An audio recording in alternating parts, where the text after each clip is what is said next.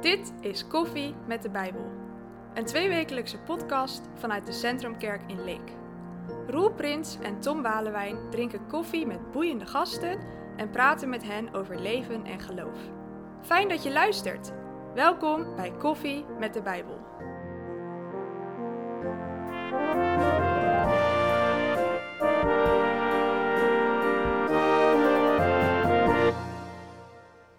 Onze gast is Esther Loonstra Schaaf en zij is GZ-psycholoog. Esther, welkom. Dank. Leuk dat je er bent. Ja. Ehm, want we willen eigenlijk wel eens weten waarom je psycholoog bent. Ik heb altijd een beetje meegekregen, mensen die psychologie gaan studeren, die hebben eigenlijk zelf een psycholoog nodig. Is dat Hm. ook de reden dat jij psychologie bent gaan studeren? Nou, om meteen maar even met een directe vraag te Ja, beginnen. precies. We duiken erin. Eh, nou ja, heel eerlijk. Ik heb zelf nog nooit een psycholoog gehad. En in mijn jeugd ook niet met een psycholoog in aanraking geweest. Dus dat is uiteindelijk voor mij niet de reden geweest om psychologie te gaan studeren. En wat dan wel? Ehm, nou, ik eh, kom uit een familie die heel erg in het ziekenhuis werkt. Mijn beide ouders zijn verpleegkundigen. En dat wou ik vroeger ook worden.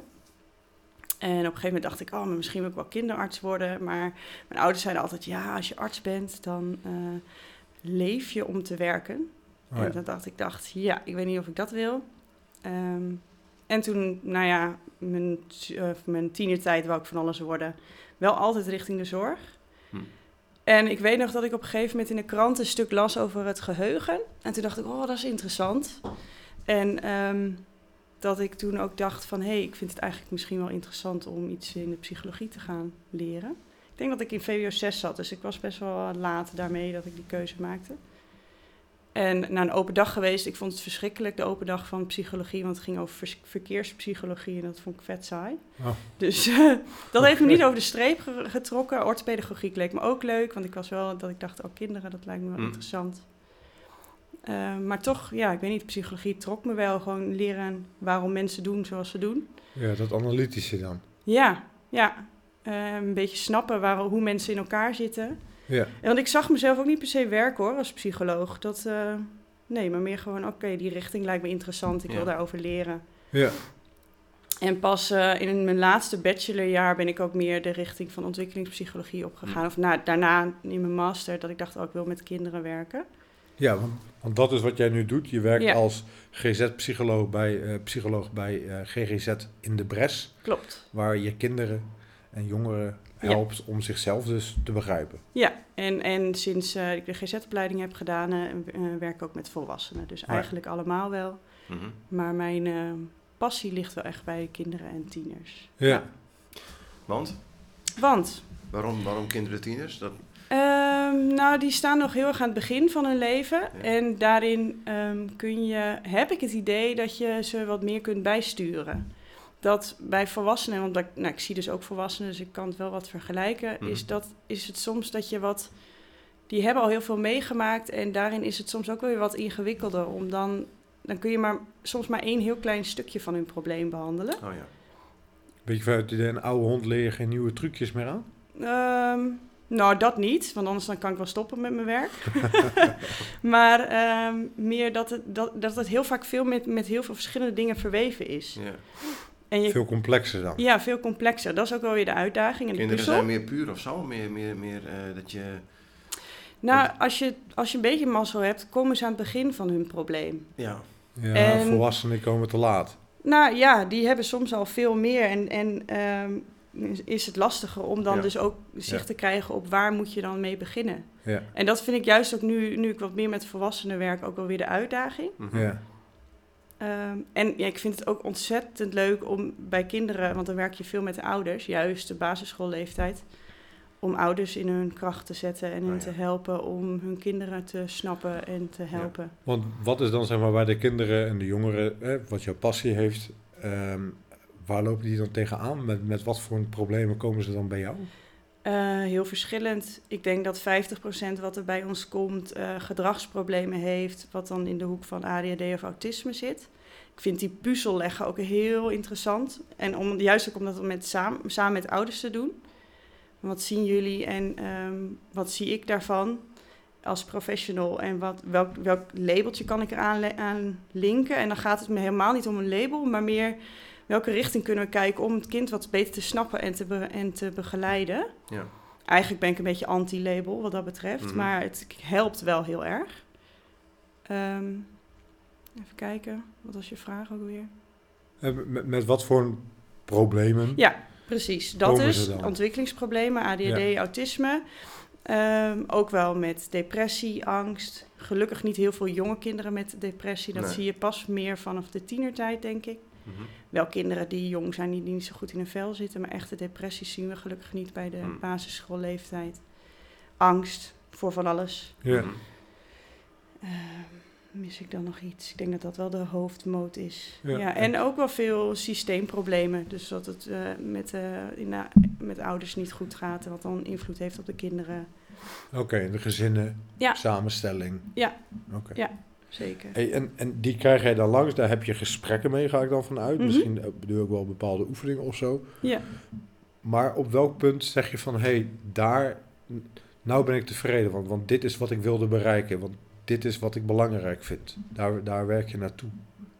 Wanneer ben je tevreden als psycholoog? Dat een kind zich weer eh, naar zijn of haar vermogen eh, goed kan ontwikkelen. en soms is dat dus ook eh, eh, samen met ouders zien waarin ze zich misschien wat minder goed kunnen ontwikkelen. En Ja. ouders daarin dan helpen om dat te snappen. Ja. En ehm, dat eh, te ja, accepteren of eh, te leren kennen, zeg maar.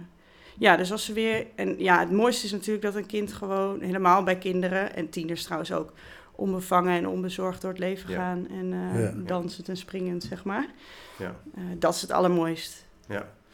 Maar maak je, maak je je zorgen over de, de, de, de tieners, zeg maar, en de, jong, de jongeren? Want dat hoor je nog wel eens zeggen, hè? Veel jongeren, zeker na corona, hebben, zitten slecht in hun vel. Is dat iets wat jou, is het jouw beeld ook?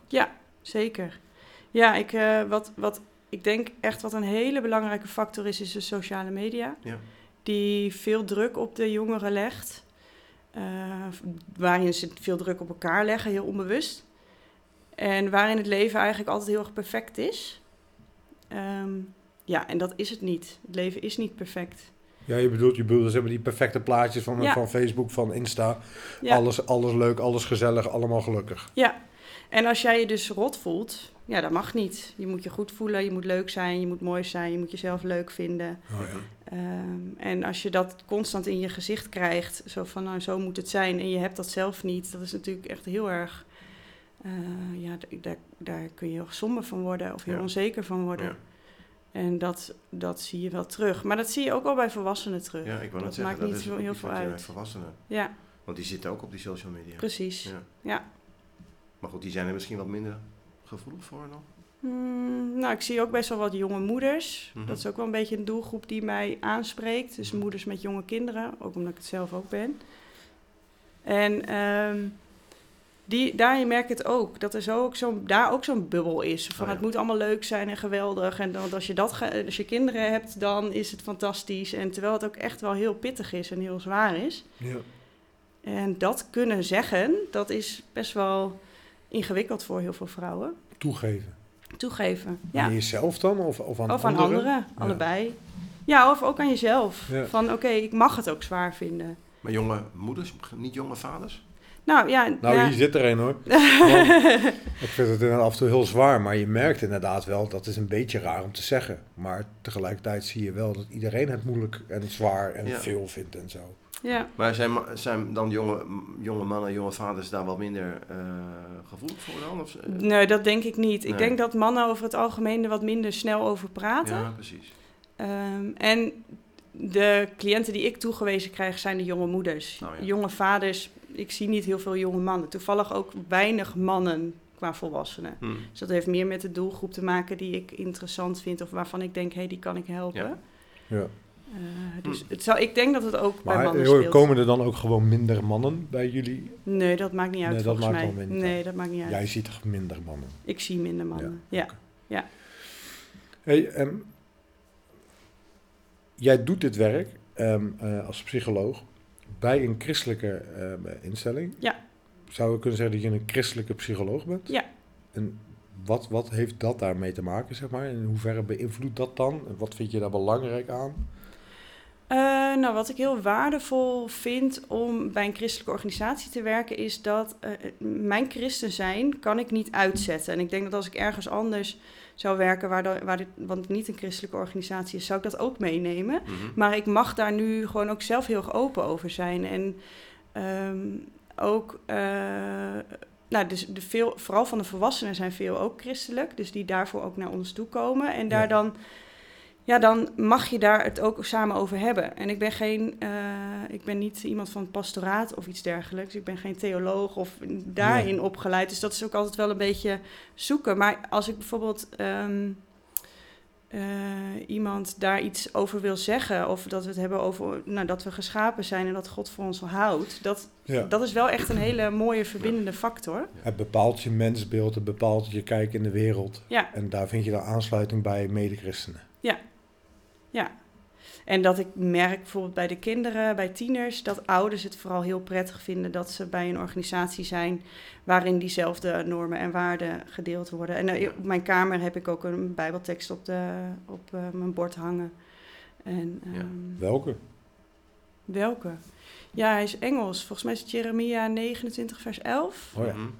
Ik heb jullie geluk voor ogen, Precies. niet Die. jullie ongeluk. Ja, ja. ja. Mooi. Is dat ook je favoriete tekst, de tekst waar je het meest mee hebt? Um, voor mezelf persoonlijk misschien niet per se. Maar daar heb ik ook wat mee. Ik heb wat dat betreft met veel bijbelteksten wel wat. Ja. En dat vind ik wel een mooie voor in mijn werk. Ja. En, en het kan natuurlijk ook wel confronterend zijn. En misschien dat ik hem daarom ook wel in het Engels heb staan. Omdat hij anders wel heel erg zo... Ja. Uh, Ja. Dus, uh, Bij de mensen die bij jou komen of bij jezelf? Nee, niet bij mezelf. Dat maakt me niet uit. Maar bij de mensen die bij mij komen. Ja. Ja, ja, Een hoopvolle toekomst. Ja. Daar gaat de tekst over. ja, Ja. klopt. Mooi. Ja. Mooi uitgangspunt. Ook een mooi uitgangspunt voor uh, gesprek zometeen. We gaan zo meteen uh, met je verder praten. Uh, maar eerst krijgen we ons pauzenummer. En dat is wel heel grappig, want dat is jouw man. Klopt. Uh, Jelle Loonstra, uh, bij luisteraars misschien inmiddels wel bekend als onze uh, kerkbioloog. Die weer iets zal vertellen over Gods mooie schepping. Uh, we horen u, of wij zijn zo weer terug.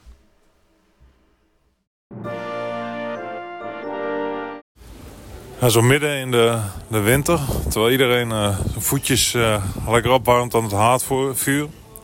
En de eerste sneeuwvlokjes vallen, wil ik het toch even hebben over een vlinder. Of eigenlijk een, spanner is het eigenlijk. Maar misschien is het je de afgelopen dagen wel opgevallen dat op het moment dat de gordijnen nog niet dicht waren... En het licht wel brandde, kleine vlindertjes voor het ramen zaten. Of uh, voor een lantaarnpaal bijvoorbeeld in het, op de straat. Uh, nou, je hallucineerde niet. Je was ook niet, was ook niet dronken van, van een borreltje om weer warm te worden. Op dit moment vliegen alle kleine wintervlinders. En dat, of de kleine wintervlinders die vliegen uit. En dat voelt misschien een beetje raar. Dat is misschien ook een beetje raar. Om nu zo midden in de in de winter een vlinder te zien. Maar het is eigenlijk best wel een grappig, grappig beestje. Want die vlinders die je ziet, dat zijn louter mannetjes. Uh, de vrouwtjes die, uh, die komen op dit moment ook uit. En zoals het wel vaker uh, in deze rubriek gaat over, over seks of het vinden van een partner... zijn ook nu die mannetjes driftig op zoek naar een partner. Naar een vrouwtjesvlinder. En die vrouwtjesvlinders die hebben dus geen vleugels. Die zijn net ook uit een ei gekomen. Of uit, uh, uit een, uh, uit een kokon. rups. En die bevinden zich onderaan de boom. of onderaan een, een, boom. Voornamelijk eikenbomen, maar ook fruitbomen. En het zijn eigenlijk een beetje hulpeloze wezens. Dat wil zeggen, ze kunnen alleen omhoog gaan. Ze hebben geen, vlinder, of ze hebben geen vleugels om mee omhoog te vliegen. Dus kruipen die boom omhoog. En dan vraag je je misschien af, je ziet die vlinders, die spanners vooral uh, in het donker. Hoe vinden ze elkaar dan? Nou, door pheromonen. Dus die vlinders die ruiken elkaar op een gigantisch grote afstand. Oh, daar is een vrouwtje, daar moeten we heen. En dan zie je dan ook vaak dat die mannetjes massaal uh, naar zo'n boom gaan. Op zoek uh, naar dat vrouwtje. En als ze elkaar in één keer gevonden hebben, Dan legt zo'n vrouwtje een eitje, gaat dood. Mannetje gaat ook dood. Maar komend voorjaar zijn de rupsen. Uh, of ze, ze, vinden zich, of ze overwinteren eigenlijk als, uh, als ei. Als eitje. Maar komend voorjaar, als de koolmeesjes en bonte vliegenvangers en alles weer op zoek is naar rupsen voor een jongen, zijn, is dit een super belangrijke prooi om, voor de jongen om groot te worden. Dus ja, als je zo'n klein grijs wit vlindertje ziet, je weet in elk geval zeker dat het een mannetje is. Grote kans dat het een kleine wintervlinder is. Ook al zijn er op dit moment ook een aantal andere spanners zo, uh, actief. Uh, maar realiseer die zijn voor komend voorjaar dus weer super belangrijk als voedsel voor uh, kuikens van allerlei vogels. En komende winter, november, begin december, zien we ze weer. Als de rupjes vergroeid zijn en herhaalt de cyclus zich weer.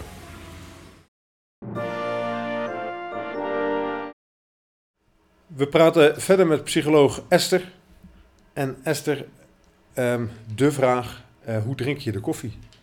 Zwart. Een uh, studentenbakje, zoals Jelle altijd zegt. Oh ja, studentenkoffie. Ja, Goedkoop. Lang gestudeerd natuurlijk als psycholoog. Oké, okay, mooi. Um, terwijl wij allemaal nu de koffie hebben, laten we eens al koffieleutend uh, verder nadenken. Niet zozeer over wat jij doet als psycholoog, maar meer over hoe je als psycholoog aankijkt tegen nou ja, de samenleving. Het is vrij breed, dus misschien moeten we het wat, uh, nog wat preciezer invullen. Maar we leven in een tijd waar er behoorlijk wat aan de hand is. We hebben nu net verkiezingen achter de rug die nou, behoorlijke verschuivingen hebben laten zien. Waar heel veel mensen ook weer wat van vinden. De polarisatie is enorm. Er zijn diverse grote problemen. Sommigen noemen het crisis in de maatschappij. Hè. Eh, eh, stikstof, eh, vluchtelingen, huizen. Ehm, ehm, ehm, hoe, hoe, besturen we het land? Mensen maken zich allemaal zorgen aan. En ik was nou benieuwd. We hebben nu eens een keer een psycholoog bij ons zitten. hoe kijk jij daar dan, dan eigenlijk tegenaan? Hoe, hoe vind je dat het gaat met de geestelijk welzijn van ons land? Zo. Ja. Succes. Kom er maar in. uh, Ja, nou, al, al praten of wat je aan het vertellen bent, denk ik, ja, wat vind ik er eigenlijk van? Kijk, ik vind van alle onderwerpen vind ik natuurlijk wel wat van, maar het gaat ver om daarop in te gaan. Maar wat ik wel merk, en ik denk dat dat echt wel anders is dan bijvoorbeeld, uh, weet ik veel, 100 of 150 jaar geleden, is dat er ook veel meer om is om zorgen over te maken, mhm. omdat je alles meekrijgt. Ja alles van de hele wereld krijg je mee. En, uh, Direct. Hè? Ja. Het gebeurt en we weten het. Precies. Uh, ik weet niet hoe dat vroeger ging met de verkiezingen, maar ik kan me voorstellen dat dat wel even duurde voordat het bij de mensen belandde. En nu wisten we allemaal om negen uur hoe het verder zou gaan. Ja. Um, dus er is veel meer om je zorgen over te maken, denk ik. En de ene is daar vatbaarder voor dan de ander. Um, en dat is daarin soms dus ook gewoon, denk ik, wel kiezen van waar uh, waar ga je je zorgen over maken? Waardoor ja. laat je je uh, beïnvloeden? Um, wat wil je allemaal meekrijgen van de wereld? Zelf maak ik daar wel eens keuzes in. Dat ik denk, oké, dit, dit, hier snap ik niks van. Of dit uh, hou ik wat buiten mij om mezelf wat te beschermen. Om niet te veel zorgen erover te maken. Maar dat, dat vinden veel mensen voor mij lastig. Ik bedoel, ik, ik denk aan het fenomeen FOMO. Ah, ja. De fear of missing out. Ja. Dat zegt juist, nee, je moet alles meekrijgen. Ja. Je mag niet, eh, you snooze, you lose. Je moet alles meekrijgen. Je moet van alles wat we afweten. Ja. En, en dat is dan een behoorlijke waterval die over je heen klettert. Klopt. Maar nou zeg jij, nee, dat, dat hoeft eigenlijk niet. Je kunt gewoon een keuze maken. Ik denk dat je daarin echt keuzes mag maken. Ik denk ook, uh, we denken soms ook wel veel te groot. En dat we heel veel dingen echt. Nou, ik denk alle, bijna alle dingen die jij nu net noemde, daar heb je als individu eigenlijk geen invloed op. Nee. En dat is natuurlijk uh, geen excuus om er helemaal niks mee te doen. Maar uh, als het je zo um, overweldigt, die, dat nieuws en alles, waar je zelf niks mee kunt doen. Ja, hmm. wat, wat hebben zij eraan als jij daar rot over gaat voelen en je... Ja. ja. Oh, kijk, tuurlijk mag het je raken, maar... Nou, als je het nou eens concreet maakt, ik bedoel, je zou er dus voor kunnen kiezen om bijvoorbeeld niet meer naar het journaal te kijken. Bijvoorbeeld. Of uh, ervoor kunnen kiezen om niet meer, uh, weet ik veel wat, Instagram... Uh... Ja, ja. Ik, ik weet nog wel in de Bedoel je dat? coronatijd. Je- Ja, Oké. ja toen, toen het net begon, was iedereen constant met het nieuws bezig. Ja. En dat je merkte al dat mensen die keuze zelf gingen maken. Nou, Ja. ik lees het maar niet de hele dag, want dan Ja. word ik er zo mee, mee bezig gehouden.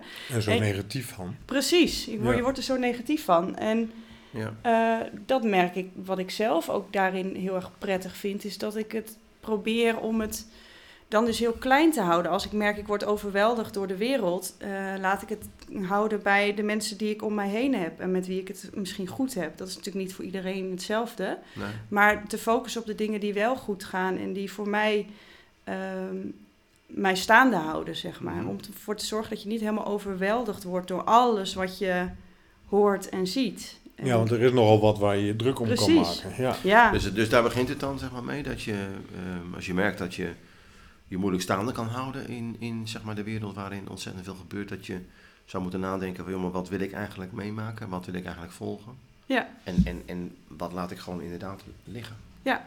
Maar dan misschien wel weer de angst van, ja, maar wat mis ik dan? precies. En dat is iets wat je ook moet kunnen verdragen dan. Ja, Nou ja, goed, maar, maar heeft daar dan niet je omgeving ook heel erg mee te maken? Want die druk van, van wat moet ik allemaal in mijn leven? Hè? Ik moet hiervan op Zeker. de hoogte zijn, ik moet dat Zeker. eh, goed kunnen en ik moet eh, daar een beetje een mening over hebben en zo. Ja.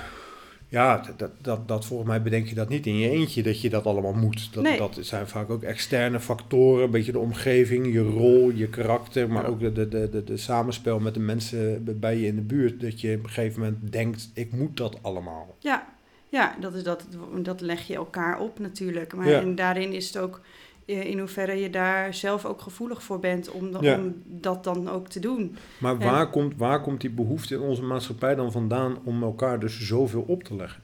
Eh, ik denk, nou, ik denk dat iedereen dat onbewust doet. Maar dat het, ik denk dat het, waar komt de behoefte aan om daaraan te voldoen? Ik denk dat dat meer de vraag is. Mm. Van, want waarom vindt iedereen dat zo belangrijk, wat andere vrienden? En dat komt gewoon omdat je erbij wil horen. Ja. Iedereen heeft een, een basis van ik wil gezien worden, ik wil geliefd worden, ik wil ehm, ehm, Ja. erbij horen. Mhm. En dat is ook dat hele FOMO. Ja. Waarom, waarom heeft iemand FOMO? Omdat ze anders bang zijn er niet meer bij te horen. Ja, ja en, en, en vroeger was dat dan anders, want toen waren er gewoon veel minder groepjes waar je bij kon horen. Want Nou, je dat weet wereld ik was niet. kleiner. Je toen, de we- eh, je wereld was kleiner, dus het ging over de mensen had in je je toch wel dorp. meer gemeenschapszin, denk ik, eh, in het dorp. eh, Dat was Ja. dan zeg maar de plek waar je dan bij hoorde. Precies. En misschien is dat... dat is Maar ja, het- en daar deed en liet je natuurlijk ook dingen voor. ja, ja, Ja, zeker. ja. Ja. Ja, Maar het is nu allemaal natuurlijk veel sneller en, en veel... eh, ik ken mensen die hebben vriendengroepen over de hele wereld, Precies, namelijk allemaal ja. digitaal. ja. Dus dan, en als je daarbij wil horen, moet je dus wel ingelogd blijven, want anders hoor je er niet bij. ja, precies. Maar goed, daar, word je dus, daar kan je dus ongelooflijk eh, on- on- Ja. onzeker en ongelukkig eh, Ja. van worden. Ja, En, en hoe, hoe help jij mensen als ze, eh, als ze dan naar jou toe komen en zeggen van nou, pff, ik verzuip in, in, eh, in alles, ik, eh, ik ben ongelukkig. Ehm, nou, ik denk dat, dat, dat daarin... Nou ja, hè, je proberen het af te schermen voor bepaalde invloeden is natuurlijk één ding. Ja. Het is meer gericht op je gedrag. Maar ik denk, wat ook een hele belangrijke is, van hoe denk jij over dingen na? En wat, waarin heb je ook invloed? En je hebt wel invloed op de dingen die jij in je hoofd haalt. Niet, dat gaat ook tot op zekere hoogte, Mhm. want sommige dingen, ja, je gedachten kun je niet altijd sturen. Ehm, maar en ook hoe ga je daar dan mee om? Ja. Ehm, want, nou, wat ik ook wel regelmatig zeg tegen eh, cliënten is: you, you can't carry the weight of the world. Je kunt niet alles wat er in de wereld speelt eh, op je schouders halen, want daar- dan, ja, dan vergeet je gewoon zelf te leven eigenlijk. En ehm, wat ik probeer om te doen is dat nou, hun gedachten samen te pluizen van hé, hey, wat zijn dan die gedachten die ik daarover heb? En dan is het vaak piekergedachten. En in hoeverre werkt dat? Helpt dat jou? Mhm. Nou, dan eigenlijk iedereen zegt dan ja, dat piekeren helpt helemaal niet, want er verandert er helemaal niks aan. Ik heb Nee, er alleen maar het last is wat van. het is. Precies. Ja. En wat je dan eh, probeert is om eh, nou, door middel van afstand te creëren tot die gedachten. Ze, eh, of nou het eerste bewustzijn is eigenlijk dat je gedachten niet altijd waar zijn. Mhm. Wij zijn daar eigenlijk helemaal niet van bewust dat je denkt de hele dag door, maar dat heel veel dingen gewoon niet waar zijn. Terwijl je dat wel als waarheid aanneemt. En Terwijl als je eventjes kritisch naar je gedachten kijkt, dat je dan denkt, oh, maar het klopt helemaal niet. En soms kun je ze dan al ombuigen en is het opgelost. Mhm. Dat is wel heel makkelijk gezegd, maar dat kan. Mhm. Ehm, en soms kan dat niet, of is het niet dan opgelost. Maar dan moet je dus proberen te leren om wat minder naar je gedachten te luisteren. Ja, ik hoe- zeg, zeg Hoe deal je met jezelf? ja, hoe Ja. deel je met die gedachten die je hebt? Ik zeg dan wel eens, laat ze maar tetter in de hoek en probeer er maar niet naar te luisteren. Bij jonge kinderen zeg ik wel eens van, ja, zie het als een soort eh, een pesterig mannetje die op je schouder zit en dat in je oor loopt te fluisteren. En dat idee alleen al te hebben van dat het iets is wat ja, niet per se buiten je staat, maar wel wat invloed op je Mhm. heeft, waar je afstand van kan doen, dat helpt al heel erg. Ja. Soms dan denk ik, ja, ja, schiet hem zo met je vinger zo van je schouder af en stamp er even op. En dat vinden ze altijd heel mooi. Maar ehm, dat helpt wel om dus op die manier afstand te creëren tot je gedachten. Ja. Ja. Een bepaalde ontspannenheid. Dus ook met, joh, het leven is nou wat het is. En die gedachten in je hoofd, ja, die zijn er nou eenmaal. Precies. Maar focus je dan vooral op de dingen die je wel belangrijk Ja. vindt. En waar je wel je tijd en energie in en focus stoppen. op het hier en nu. Ja, precies. Want wat je net even eerder zei, van eh, mensen eh, zien op social media van alles. Hè. Het leven is perfect, het ziet er allemaal mooi uit. Eh, en wat jij doet, denk ik, is mensen leren. Tenminste, dat het allemaal niet perfect is. En Ja. ook niet perfect hoeft te zijn. Ja, zeker. Het is niet perfect. Nee. En wat ook wel een misvatting is, is dat eh, als je vraagt aan mensen van wat is de, je normale staat, Ja. is dat het, dat het iets is dat je gelukkig bent. Terwijl geluk eh, heb je maar op hele korte momenten. Als je gewoon door de dag heen, stel je zou honderd keer per dag bedenken van hoe voel ik me, dan voel je heel vaak gewoon, Ja. normaal. Maar als de wereld steeds denkt van, eh, laat zien, oh het is zo fantastisch en geweldig, ja, dat, ik voel me niet zo. Dus dan, als je je dus altijd normaal voelt, dan voel je je dus niet gelukkig genoeg. Ja. En dat is al confronterend. Precies. Dus mensen zijn al sneller ongelukkig. Of denken dat ze gelukkiger moeten zijn. Terwijl dat... ja, omdat ze niet voldoen aan de hoge lat van de maatschappij. Precies. En dus krijg je angst voor Dus- dingen te missen enzovoort Ja. enzovoort. Ja. Dus Ja. leren accepteren dat het leven ook, ook vaak maar gewoon is. Ja. gewoon en soms heel saai. En, eh, Ja. en ook pijnlijk. Want dat Ja. is het Ja. heel vaak. Maar Ja. ik hoor je volgens mij ook zeggen, en, en maar niet al te veel zorgen hebben voor de dag van morgen. Ja. En dat klinkt voor twee theologen als ons klinkt dat natuurlijk bekend. Ja. Want is, is, is dat dan ook wat je uit de Bijbel daarin haalt? Nou ja, zeker dat, eh, dat eh, stuk over eh, dat de vogels niet zaaien en maaien. En dat, eh, dat God voor de, de bloemen in het veld zorgt. En dat ze zich ni- niet druk maken daarover. En dat stuk eindigt dan ook met, het, met die tekst van geen zorgen voor de dag van morgen. Ja. Ja, dat is, dat is sowieso iets wat mijn ouders me heel erg hebben meegegeven. Vroeger, Ja. Van vroeger uit. Want Want ik dit was, is de tekst die Jezus dus vertelt hè, in, in het, eh, het evangelie van Matthäus. ja. Ja. Ja, want ik was best wel een, een toen, ik, toen ik een jaar of tien was, best wel een piekermeisje. Ik was denk ik wel een slimme meid die wel veel over de wereld nadacht. Mhm. En dat, dat, dat ik toen, eigenlijk mijn ouders mij toen al hebben geleerd, van je moet het bijhouden met wat je nu hebt. Ja. Ja. En dat is eigenlijk waar ik nu heel erg in mijn werk ook mee bezig Ja. ben. Ehm, eh, dat, dat mensen meegeven van je moet houden bij wat je nu hebt. En het enige wat we hebben is nu, op dit moment. En als je heel vaak, als je dat aan mensen vraagt van hoe voel je je nu op dit moment? Nou, ik voel me best oké. Ja. Oké, dus je hoeft je niet druk te maken over wat er komt, want daar hebben we geen invloed op. Nee. En ehm, ja, dat is, dat is heel erg dat in, in het hier en nu leven. Dat is natuurlijk ook heel hip, dat mindfulness. Ja. Voor Ja. christenen is dat soms een, ah, wat is dat? Hm. Ja. Maar die boodschap is wel gewoon heel mooi. Van ja, het enige wat we hebben op dit moment is nu. En Mhm. dat helpt wel om ook Ja. een beetje op- met je voeten op de grond te blijven. Ja. ja, en dan wordt dus ook de, de fear of missing out kan dan misschien wel de joy of missing out Ja, worden. zeker. Ja, dat Ja. het leuk is om dingen te missen omdat je gewoon bezig bent met de dingen nu. Ja, precies. Ja. Ja. Mooi. Mooi. Dus als we dat allemaal zouden doen, Ha, dat moeten we dus eigenlijk doen. ja. Zouden we mogen doen. We moeten niks, hè? Nee. Ehm, voor de luisteraar misschien nog wel even goed om, om, om erbij te zeggen, als mensen denken van, hé, hey, dit vind ik inderdaad mooi, hè? Dit, dit, dit, hier zou ik ook wel wat aan kunnen hebben. Ehm, dit, dit komt ook uit een therapievorm. Ja. Dat heet ACT, de Acceptance and Commitment Therapy. Ja. En dat is inderdaad een, een, een gedragstherapie die, nou ja, eigenlijk wat jij nu net vertelt, ehm, dat ook als basisprincipes heeft. Ja. En mensen dus ook probeert te helpen daar handen en voeten aan te geven in het hier en nu. Ja, Dus klopt. mocht u daar eh, meer belangstelling voor hebben, dan kunt u daar eens opzoeken of u kunt eh, Esther eens aanspreken. Zeker. Nou, zijn we aan het einde gekomen van deze opname. Hartelijk dank Ja, graag dat je er was. Ja, mooi, fijn. Dat is een mooi gesprek. Ja, en eh, luisteraars ook bedankt weer voor het luisteren. En graag tot over twee weken. Tot de volgende keer.